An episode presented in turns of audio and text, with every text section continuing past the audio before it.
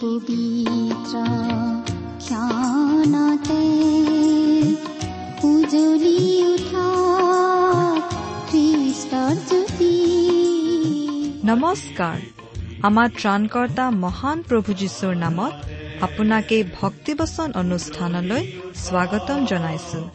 এয়া মুকলি কৰিছো ঈশ্বৰৰ জীৱিত বাক্যৰ ধাৰাবাহিক অনুষ্ঠান ভক্তিবচন। মুখৰিত কৰি গাওঁ সবে মিলি প্ৰশংসা গীতি আজিৰে পবিত্ৰ ক্ষণতে উজলি উঠা খ্ৰীষ্টৰ জ্যোতি আপোনাৰ জীৱনত যদি শান্তি পাব বিচাৰে তেন্তে এয়া ঈশ্বৰৰ বাক্যৰ সান্তনা বাক্য ভক্তি বচন। আমাৰ মহান ত্ৰাণকৰ্তা প্ৰভু যীশুখ্ৰীষ্টৰ নামত নমস্কাৰ প্ৰিয় শ্ৰোতা। আশা কৰো পৰম পিতা পৰমেশ্বৰৰ মহান অনুগ্ৰহত আপুনি ভালে কুশলে আছে। আপুনি আমাৰ এই ভক্তিবচন অনুষ্ঠানটো নিয়মিতভাৱে শুনি আছে বুলিও আমি আশা কৰিছো। এই অনুষ্ঠান শুনি আপুনি কেনে পাইছে বাৰু? আমাৰ শ্ৰোতাসকলৰ মংগলৰ বাবেই আমি অতি যত্নেৰে এই অনুষ্ঠান প্ৰস্তুত কৰো। আৰু সেইবাবেই আপোনালোকৰ পৰা চিঠি পত্ৰ পাবলৈ আমি আশা কৰো। আৰু আমালৈ চিঠি লিখিবলৈ আমি সদায়েই অনুৰোধ জনাওঁ। অনুগ্ৰহ কৰি আজিয়েই আপোনাৰ মতামত আদি জনাই দুষাৰিমান লিখি পঠিয়াওকচোন আমাৰ যোগাযোগৰ ঠিকনা? ভক্তিবচন টি ডব্লিউ আৰ ইণ্ডিয়া ডাক বাকচ নম্বৰ সাত শূন্য গুৱাহাটী সাত আঠ এক শূন্য শূন্য এক। ভক্তিবচন T W R India postbox number seventy Guwahati seven eight one zero' zero' one আমাৰ website W W W dot radio' eight eight two dot com প্ৰিয় শ্ৰোতা আপুনি বাৰু আমাৰ এই ভক্তিবচন অনুষ্ঠানটো নিয়মিতভাৱে শুনি আছেনে? যদিহে নিয়মিতভাৱে শুনি আছে তেনেহলে আপুনি নিশ্চয় এই কথাটো জানে যে আমি আজি কিছুদিনৰ পৰা বাইবেলৰ পুৰণি নিয়ম খণ্ডৰ জোনা ভাৱবাদীৰ পুস্তক নামৰ পুস্তকখন অধ্যয়ন কৰি আছো। নহয়নে বাৰু? আমাৰ যোৱা অনুষ্ঠানটো আপুনি শুনিছিল নে বাৰু? যোৱা অনুষ্ঠানত আমি এই জোনা ভাৱবাদীৰ পুস্তকখনৰ তিনি নম্বৰ অধ্যায়ৰ দুই নম্বৰ পদৰ পৰা চাৰি নম্বৰ পদলৈকে পঢ়ি তাৰ ভিত্তিতে আমাৰ আলোচনা আগবঢ়াইছিলো। গতিকে আজি আমি এই জোনা ভাৱবাদীৰ পুস্তকৰ তিনি নম্বৰ অধ্যায়ৰ পাঁচ নম্বৰ পদৰ পৰা আমাৰ আলোচনা আৰম্ভ কৰিম। আৰু পাঁচ নম্বৰ পদৰ পৰা একেবাৰে দহ নম্বৰ পদলৈকে অৰ্থাৎ এই তিনি নম্বৰ অধ্যায়টোৰ শেষৰ পদলৈকে আমাৰ আলোচনা আগবঢ়াম। আমি ইতিমধ্যে দেখিবলৈ পাইছিলো যে ঈশ্বৰৰ আদেশমতে জোনাই অৱশেষত সেই নিনবী মহানগৰলৈ গৈ ঈশ্বৰে দিয়া বাৰ্তা তেওঁলোকৰ আগত ঘোষণা কৰিছিল। তেওঁ ঘোষণা কৰিছিল যে চল্লিছ দিনৰ মূৰত সেই নিনবী নগৰ ধ্বংস হ'ব। যদিহে তেওঁলোকে মন পালটন কৰি ঈশ্বৰলৈ ঘূৰি নাহে। তেওঁ গোটেই নিনবীবাসীৰ আগত ঈশ্বৰৰ সেই বাৰ্তা ঘোষণা কৰিছিল। আজিৰ অধ্যয়নত আমি বিশেষভাৱে এই কথাটো চাম। যে জোনাই সেই বাৰ্তা ঘোষণা কৰাৰ পাছত নিনবী মহানগৰখনৰ কি হ'ল? তেওঁলোকৰ মাজত কেনে প্ৰতিক্ৰিয়াৰ সৃষ্টি হ'ল? বা তাৰ পৰিণতি কি হ'ল? এই বিষয়ে আমি আলোচনা কৰিম। কিন্তু এই বিষয়ে আলোচনা কৰাৰ আগতে আহকচোন। সদায় কৰি অহাৰ নিচিনাকৈ আমি খন্তেক প্ৰাৰ্থনাত মূৰ্ণত কৰোঁ হওক। আমি প্ৰাৰ্থনা কৰোঁ স্বৰ্গত থকা অসীম দয়ালু কৰোণাময় পিতৃ ঈশ্বৰ। আমি তোমাক ধন্যবাদ জনাইছো। কিয়নো তোমাৰ বাক্য বাইবেল শাস্ত্ৰ অধ্যয়ন কৰিবলৈ তুমি আমাক আকৌ এই সুযোগ দান কৰিছা। প্ৰভু তোমাৰ বাক্যৰ নিগৃঢ় তত্ব বুজাই দিয়াৰ ক্ষমতা আমাৰ নাই। তোমাৰ বাক্য তুমিয়েই আমাক বুজাই দিয়া। তোমাৰ সেই জীৱন্ত বাক্যৰ যোগেদি তুমি আজি আমাক কথা কোৱা। আমাৰ প্ৰয়োজন অনুসাৰে তুমি আমাক শিকোৱা বুজোৱা। এই অনুষ্ঠান শুনি থকা আমাৰ মৰমৰ শ্ৰোতাসকলক তোমাৰ স্পষ্ট মাত শুনিবলৈ দিয়া। তোমাৰ বাক্যৰ যোগেৰে আমাৰ জীৱন তুমি পুনৰ্জীৱিত কৰা। তোমাৰ অনুগ্ৰহৰ আশীৰ্বাদ আমাৰ প্ৰত্যেকৰ জীৱনত প্ৰকাশ পাই উঠিবলৈ দিয়া। কিয়নো এই প্ৰাৰ্থনা আমাৰ মহান ত্ৰাণকৰ্তা মৃত্যুঞ্জয় প্ৰভু যীশুখ্ৰীষ্টৰ নামত আগবঢ়াইছো। আমেন।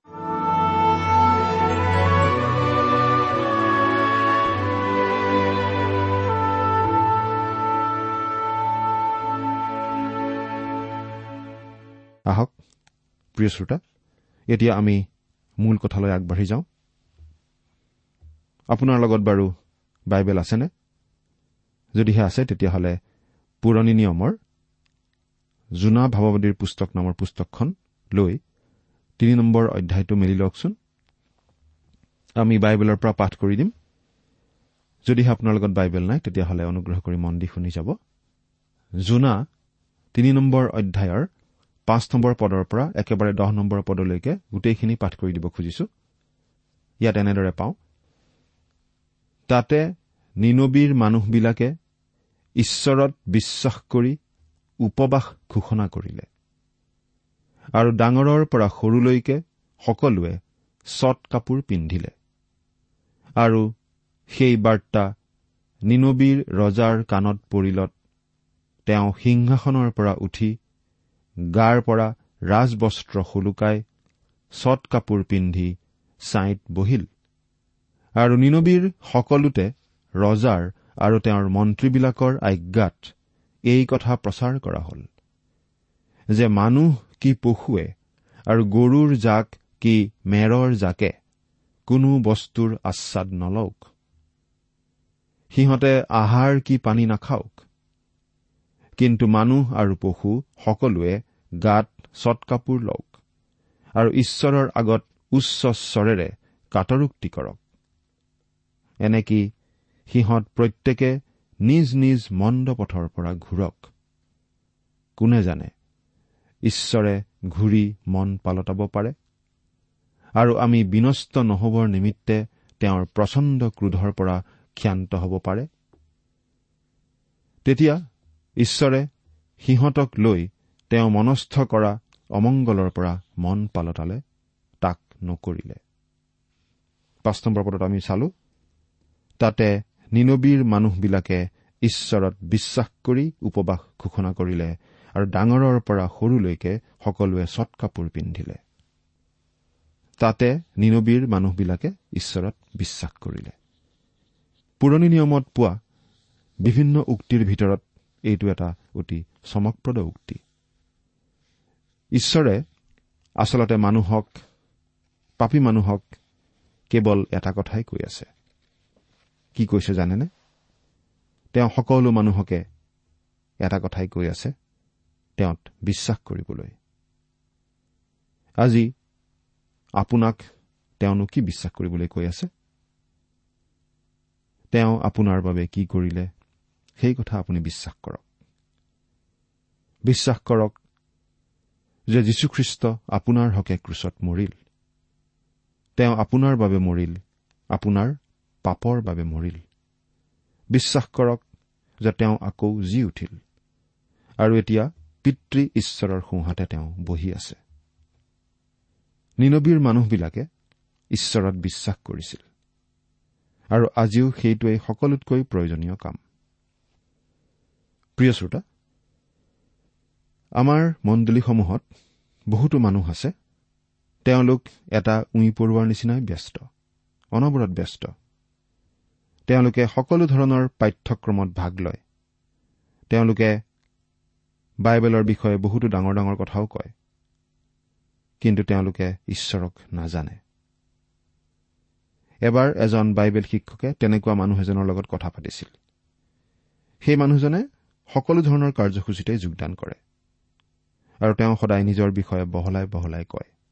তেওঁ কি কি কৰিলে ক'ত ক'ত যোগ দিলে সেইবোৰকে কৈ কৈ তেওঁ আন মানুহক আমনি লগাই দিয়ে। সেই শিক্ষকজনে তেওঁক পোনে পোনে সুধিলে আপুনি বাৰু ঈশ্বৰত বিশ্বাস কৰেনে? অলপ সময় চিন্তা কৰি সেই মানুহজনে উত্তৰ দিলে কৰো যেন লাগে। কিন্তু তেওঁৰ ইমান ব্যস্ততা ইমান কাম কাজৰ একো অৰ্থ নাই কাৰণ তেওঁ আচলতে ঈশ্বৰত বিশ্বাসেই কৰা নাছিল। সেই নিনবী নগৰৰ লোকসকলে ঈশ্বৰত বিশ্বাস কৰিলে আৰু এটা লঘোণ ঘোষণা কৰিলে। তেওঁলোকে তেওঁলোকৰ বিশ্বাস কাৰ্যত প্ৰকাশ কৰি দেখুৱালে। এৰা প্ৰিয় শ্ৰোতা আমাৰ বিশ্বাসে সদায় কৰ্মৰ জন্ম দিয়ে। যদিহে আমি প্ৰকৃত খ্ৰীষ্টীয় বিশ্বাসী সেই কথাটো আমাৰ জীৱনৰ যোগেদি আমাৰ কাম কাজৰ যোগেদি আমাৰ আচৰণৰ যোগেদি প্ৰকাশ পাবই। নিনবীবাসীয়ে ঈশ্বৰৰ কথা যে বিশ্বাস কৰিলে সেই কথাটো তেওঁলোকৰ কামৰ যোগেদি প্ৰকাশ পালে।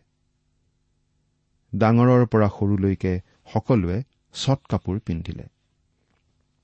ছয় নম্বৰ পদত আমি পালো এইবুলি আৰু সেই বাৰ্তা নিনবীৰ ৰজাৰ কাণত পৰিলত।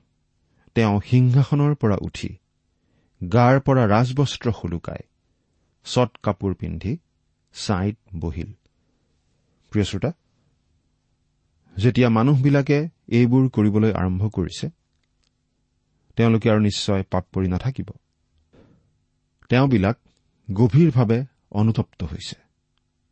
তেওঁলোকে ঈশ্বৰলৈ মন পালতাইছে তেওঁলোকে ঈশ্বৰৰ পৰা দয়া বিচাৰিছে। আৰু যেতিয়া আমি ঈশ্বৰৰ পৰা দয়া বিচাৰো সেই দয়া নিশ্চয় আমি পাওঁ। কিয়নো আমাৰ ঈশ্বৰ দয়াৰে পৰিপূৰ্ণ ঈশ্বৰ। তেওঁ আমাক দয়া কৰিবলৈ অনবৰতেই সাজু থাকে যদিহে আমি সেই দয়া বিচাৰো। সাত নম্বৰ পদত আমি এই বুলি পাওঁ আৰু নিনবীৰ সকলোতে ৰজাৰ আৰু তেওঁৰ মন্ত্ৰীবিলাকৰ আজ্ঞাত এই কথা প্ৰচাৰ কৰা হ'ল যে মানুহ কি পশুৱে আৰু গৰুৰ জাক কি মেৰৰ জাকে? কোনো বস্তুৰ আচ্ছাদ নলওক। সিহঁতে আহাৰ কি পানী নাখাওক? এই নিনবীৰ মানুহবিলাকে মদ আদি বহুতো ৰাগিয়াল বস্তু সেৱন কৰিছিল। কিন্তু এতিয়া সেই মানুহবোৰক কোৱা হৈছে কোনেও পানী পৰ্যন্ত নাখাওক সম্পূৰ্ণ লঘোণ দিয়ক সম্পূৰ্ণ উপবাস দিয়ক সকলো ভোগবিলাস বৰ্জন কৰক। আঠ নম্বৰ পদত আমি এনেদৰে পাওঁ। কিন্তু মানুহ আৰু পশু সকলোৱে গাত চট কাপোৰ লওক আৰু ঈশ্বৰৰ আগত উচ্চস্বৰেৰে কাটৰোক্তি কৰক। এনেকে সিহঁত প্ৰত্যেকে নিজ নিজ মন্দ পথৰ পৰা ঘূৰক। প্ৰিয় শ্ৰোতা এই কথা আজি আমালৈও আহানস্বৰূপে আহি আছে। যদিহে আমি কিবা পাপত আছো আমিও পাপৰ পৰা ঘূৰা উচিত। প্ৰিয় শ্ৰোতা যদিহে আপুনি এতিয়াও খ্ৰীষ্টলৈ অহা নাই কিন্তু যদি খ্ৰীষ্টলৈ আহে আপুনি যেনেকুৱা অৱস্থাত আছে তেনেকুৱা অৱস্থাতেই খ্ৰীষ্টলৈ আহিব পাৰে। আৰু যদি আপুনি খ্ৰীষ্টলৈ আহে তেতিয়াহ'লে আপুনি আপোনাৰ আগৰ অৱস্থাৰ পৰা নিশ্চয় পালতি আহিব। আপুনি পৰিৱৰ্তিত হ'ব। সিহঁত প্ৰত্যেকে নিজ নিজ মন্দ পথৰ পৰা ঘূৰক আৰু তেওঁলোকৰ হাতত থকা অত্যাচাৰৰ পৰা ঘূৰক। নিনবীবাসীসকল নিষ্ঠুৰ আৰু অত্যাচাৰী লোক আছিল। বিদ্ৰোহ আৰু হুলস্থুল কৰা কামতহে তেওঁলোক পাকৈত আছিল। নিষ্ঠুৰতা আৰু আখৰিকতা জাক পাতি যুঁজ বাগৰ কৰাত তেওঁলোক অভ্যস্ত আছিল। কিন্তু এতিয়া তেওঁলোকক ৰজাই কৈছে সেই সকলোবিলাক মন্দতাৰ পৰা তোমালোক ঘূৰা। তোমালোক পৰিৱৰ্তিত হোৱা। দয়া বিচাৰি ঈশ্বৰৰ আগত প্ৰাৰ্থনা কৰা। এৰা সঁচাকৈয়ে বৰ আচৰিত ঘটনা ঘটিছিল। গোটেই নগৰখনেই ঈশ্বৰলৈ ঘূৰিল। এইটোৱে এতিয়া মনত ৰাখিবলগীয়া কথা। বাস্তৱিকতে এইটো নিশ্চয় এটা অতি আচৰিত ধৰণৰ ঘটনা আছিল। সিংহাসনত বহা ৰজাৰ পৰা আৰম্ভ কৰি পঁজাত বাস কৰা কৃষকলৈকে আটাইবিলাক লোক ঈশ্বৰলৈ ঘূৰিল। তেওঁলোকে ঈশ্বৰৰ আগত উচ্চস্বৰেৰে কাটৰোক্তি কৰিছিল। ঈশ্বৰৰ কথাত বিশ্বাস কৰিছিল। ঈশ্বৰত তেওঁলোকে ভৰসা কৰিছিল। নিশ্চয় এয়া অতি মনোমোহা আচৰিত গৌৰৱময় সময় আছিল। প্ৰিয় শ্ৰোতা আজি আমি অ'ত ত'ত পুনৰ জাগৰণ হৈ থকা বুলি মাজে সময়ে শুনি থাকো। কিন্তু সেই সময়ত সেই নিনবী নগৰত যি ঘটিছিল তাৰ তুলনাত এইবোৰ আচলতে একোৱেই নহয়। অৱশ্যে আমি বিশ্বাস কৰোঁ আজি ঈশ্বৰৰ বাক্যই বিভিন্ন ঠাইত অতি আচৰিতভাৱে কাম কৰি আছে। য'ত ঈশ্বৰৰ বাক্য শিকোৱা হৈছে য'ত ঈশ্বৰৰ বাক্য ঘোষণা কৰা হৈছে তাত নিশ্চয় সেই বাক্যই আচৰিত আচৰিত কাম কৰি আছে। তেনে ঠাইত আমি ঈশ্বৰৰ আত্মাই কাম কৰা দেখিবলৈ পামেই। য'ত ঈশ্বৰৰ বাক্য ঘোষণা কৰা হৈছে। কিন্তু আমি প্ৰকৃত পুনৰ জাগৰণনো কিমান ঠাইত দেখিছো বাৰু? বৰং ঈশ্বৰৰ বাক্য বিয়পাই দিয়াৰ ক্ষেত্ৰত খ্ৰীষ্টীয় মণ্ডলী যথেষ্ট নিষ্কৰ্মা হৈ থকাহে আমি দেখিছো নহয়নে বাৰু?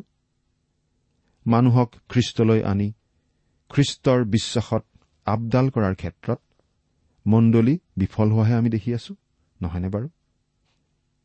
খ্ৰীষ্টীয় মণ্ডলী মানে আমি সকলো খ্ৰীষ্টীয় বিশ্বাসীৰ সমষ্টিকেই বুজাইছো। স্থানীয় মণ্ডলীসমূহত এনেকুৱা বহুতো লোক আছে যিসকলে আচলতে প্ৰকৃততে খ্ৰীষ্টত বিশ্বাসেই নকৰে। কিন্তু প্ৰকৃত খ্ৰীষ্টীয় বিশ্বাসীও আছে আৰু তেওঁলোকেই আচলতে মণ্ডলীবোৰ থিৰে ৰাখিছে ধৰি ৰাখিছে। আপুনি বাৰু কোনটো শ্ৰেণীত পৰে প্ৰিয় শ্ৰোতা? আপুনি বাৰু স্থানীয় মণ্ডলীক ধৰি ৰাখিছেনে? খ্ৰীষ্টীয় বিশ্বাসত আপুনি দৃঢ়নে? জোনা ভাৱবাদী নিনবী নগৰলৈ গৈছিল ঈশ্বৰৰ বাৰ্তা দিবলৈ। আৰু গোটেই নগৰখন ঈশ্বৰলৈ ঘূৰিছিল। সেই বাৰ্তা তেওঁলোকে গ্ৰহণ কৰিছিল। এনেকুৱা ঘটনা আগতে কেতিয়াও ঘটা নাছিল। আনকি এনেকুৱা অভিজ্ঞতা নিশ্চয় নোহৰ হোৱা নাছিল। নোহৰ পৰিয়ালটোৰ বাহিৰে আন কোনো মানুহে নোহৰ কথা বিশ্বাস কৰা নাছিল নহয় জানো? কিন্তু জোনা ভাৱবাদীয়ে এনেকুৱা এটা অভিজ্ঞতা পালে। তেওঁৰ বাৰ্তা সেই নিনবীৰ মানুহবিলাকে গ্ৰহণ কৰিলে আৰু মন পালটন কৰি ঈশ্বৰলৈ ঘূৰিল। এতিয়া ঈশ্বৰে তেওঁলৈ ঘূৰা এই নিনবী নগৰখনক কি কৰিব বাৰু? ৰজাই নিজকেই এই প্ৰশ্ন কৰিছে। ন আৰু দহ নম্বৰ পদত আমি পাওঁ। কোনে জানে? ঈশ্বৰে ঘূৰি মন পালটাব পাৰে। আমি বিনষ্ট নহবৰ নিমিত্তে তেওঁৰ প্ৰচণ্ড ক্ৰোধৰ পৰা ক্ষান্ত হ'ব পাৰে। তেতিয়া ঈশ্বৰে সিহঁতক নিজ নিজ মন্দ পথৰ পৰা ঘূৰা দেখি সিহঁতলৈ তেওঁ মনস্থ কৰা অমংগলৰ পৰা মন পালতালে তাক নকৰিলে। প্ৰিয় শ্ৰোতা এতিয়া এটা বিশেষ ধৰণৰ কথা আমি চাব খুজিছো।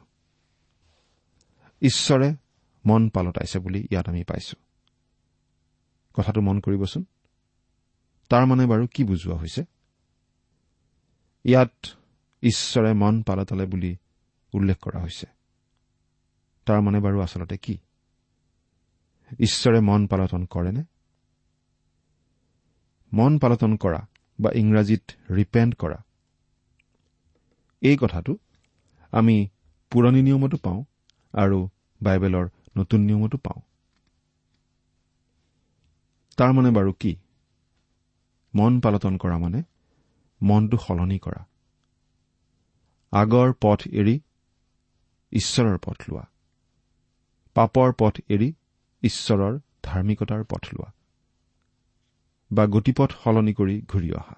এয়ে হৈছে মন পালটন মন পৰিৱৰ্তন কৰা।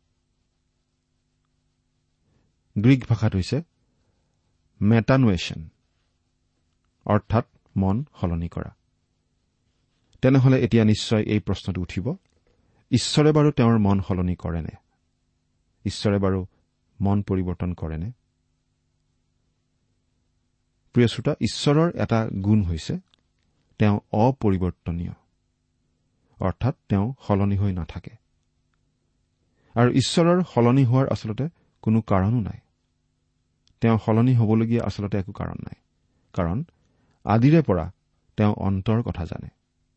আদিতেই তেওঁ যুগুতাই থোৱা আঁচনি কাৰ্যতালিকাখন লৈ আছে। আৰু সেই আঁচনি যোগেদিয়েই সেই আঁচনি মতেই তেওঁ কাম কৰি গৈ আছে। সেয়েহে ঈশ্বৰ সলনি নহয় তেওঁ সলনি হবৰ প্ৰয়োজনো নহয় কাৰণ সকলো তেওঁ আগৰ পৰাই জানে। আৰু তেওঁৰ আঁচনি মতেই সকলো হৈ আছে। যেতিয়া তেওঁৰ বাক্য অগ্ৰাহ্য কৰি মানুহবোৰ তেওঁৰ পৰা আঁতৰি যায় সেই মানুহ হেৰাই যায়। কিন্তু যেতিয়া মানুহবোৰে তেওঁৰ বাক্যলৈ মন দি তেওঁলৈ ঘূৰিব তেতিয়া তেওঁ সদায়েই সেই মানুহক ৰক্ষা কৰে। সেয়েহে আচলতে সলনি কোন হ'ল? সলনি ঈশ্বৰ হ'লনে? নহয়। কিন্তু দেখাত আমাৰ এনেকুৱাই লাগে যেন ঈশ্বৰহে সলনি হ'ল যেন ঈশ্বৰেহে মানুহবোৰৰ প্ৰতি তেওঁৰ মন সলনি কৰিলে। কথাটো আকৌ এবাৰ বুজাই দিব খুজিছো।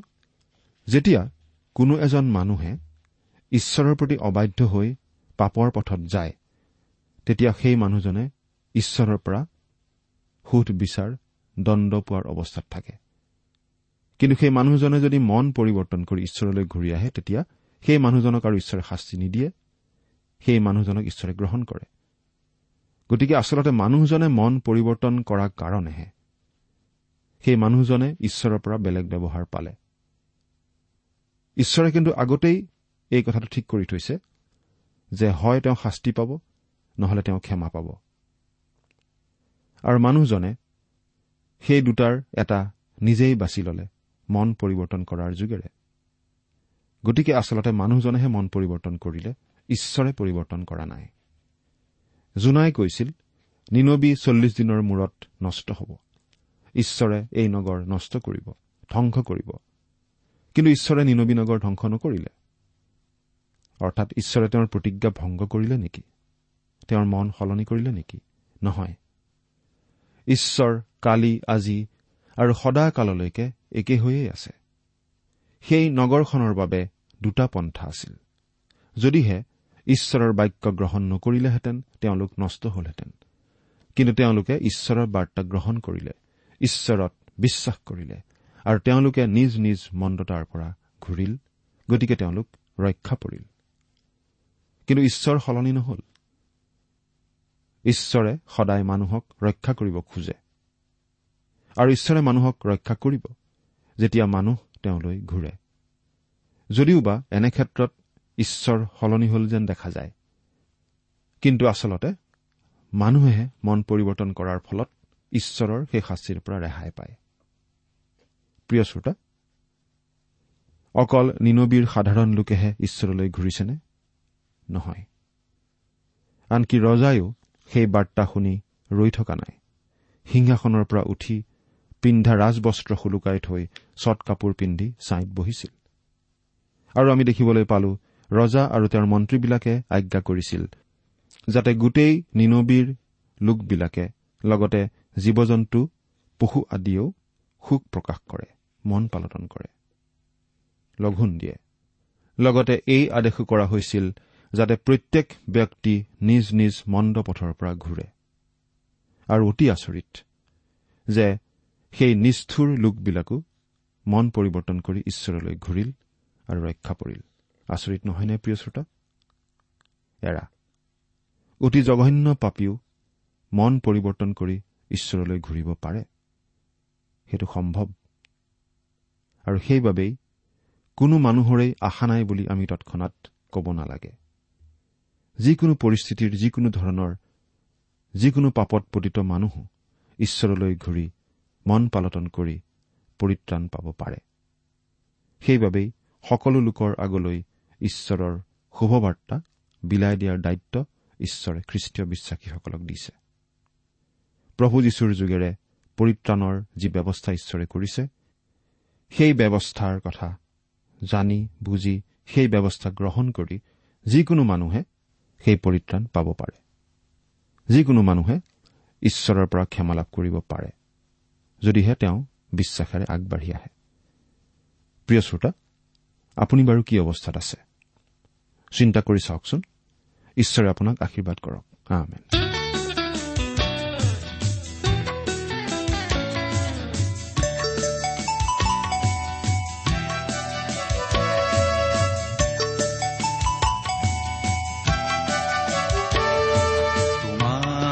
কাষলে আহিছো পিতা আজি মোক জিৰণি দিয়া। কৰোণা মাগিছো পিতা তুমি মোক কাবতি লোৱা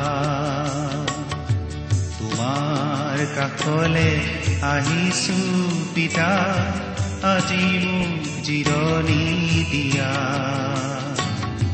তোমাৰ কৰোণা মাগিছো পিতা তুমি মোক কাবতি লোৱা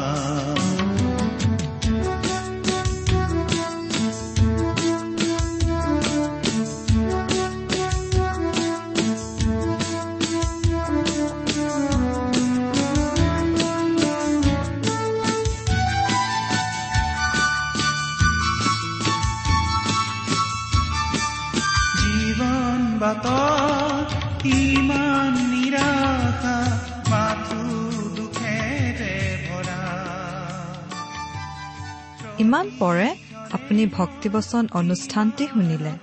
এই বিষয়ে আপোনাৰ মতামত জানিবলৈ পালে আমি নথৈ আনন্দিত হ'ম।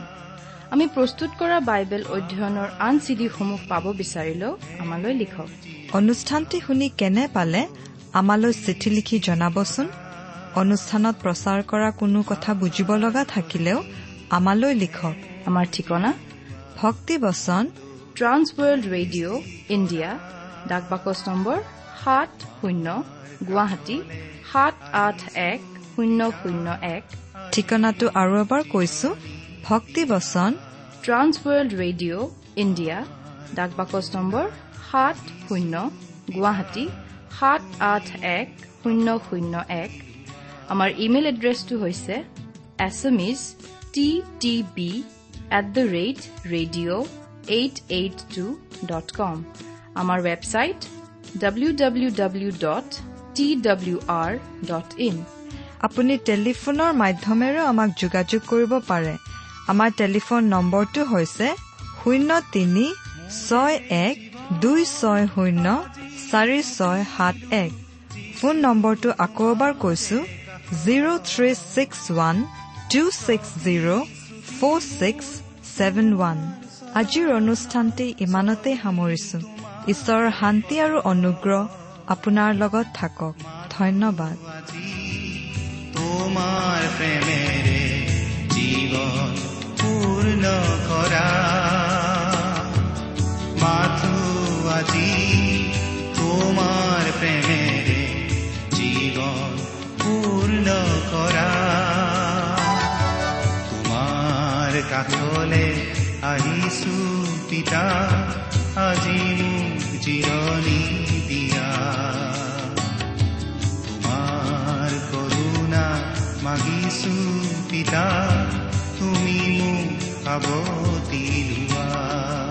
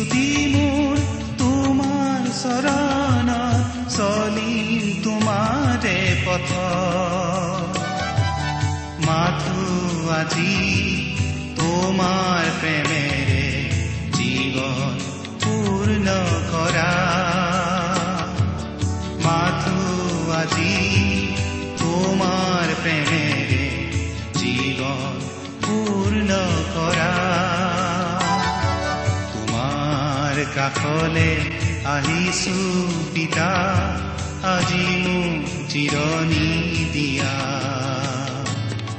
তোমাৰ কৰোণা মাগিছো পিতা তুমি মোক সাৱতি লোৱা তোমাৰ কাষলে আহিছো পিতা আজি মোক জিৰণি দিয়া। তোমাৰ কৰোণা মাগিছো পিতা তুমি মোক খাব দিলোৱা তুমি মোক জিৰণি দিয়া। তুমি মোক খাব দিলোৱা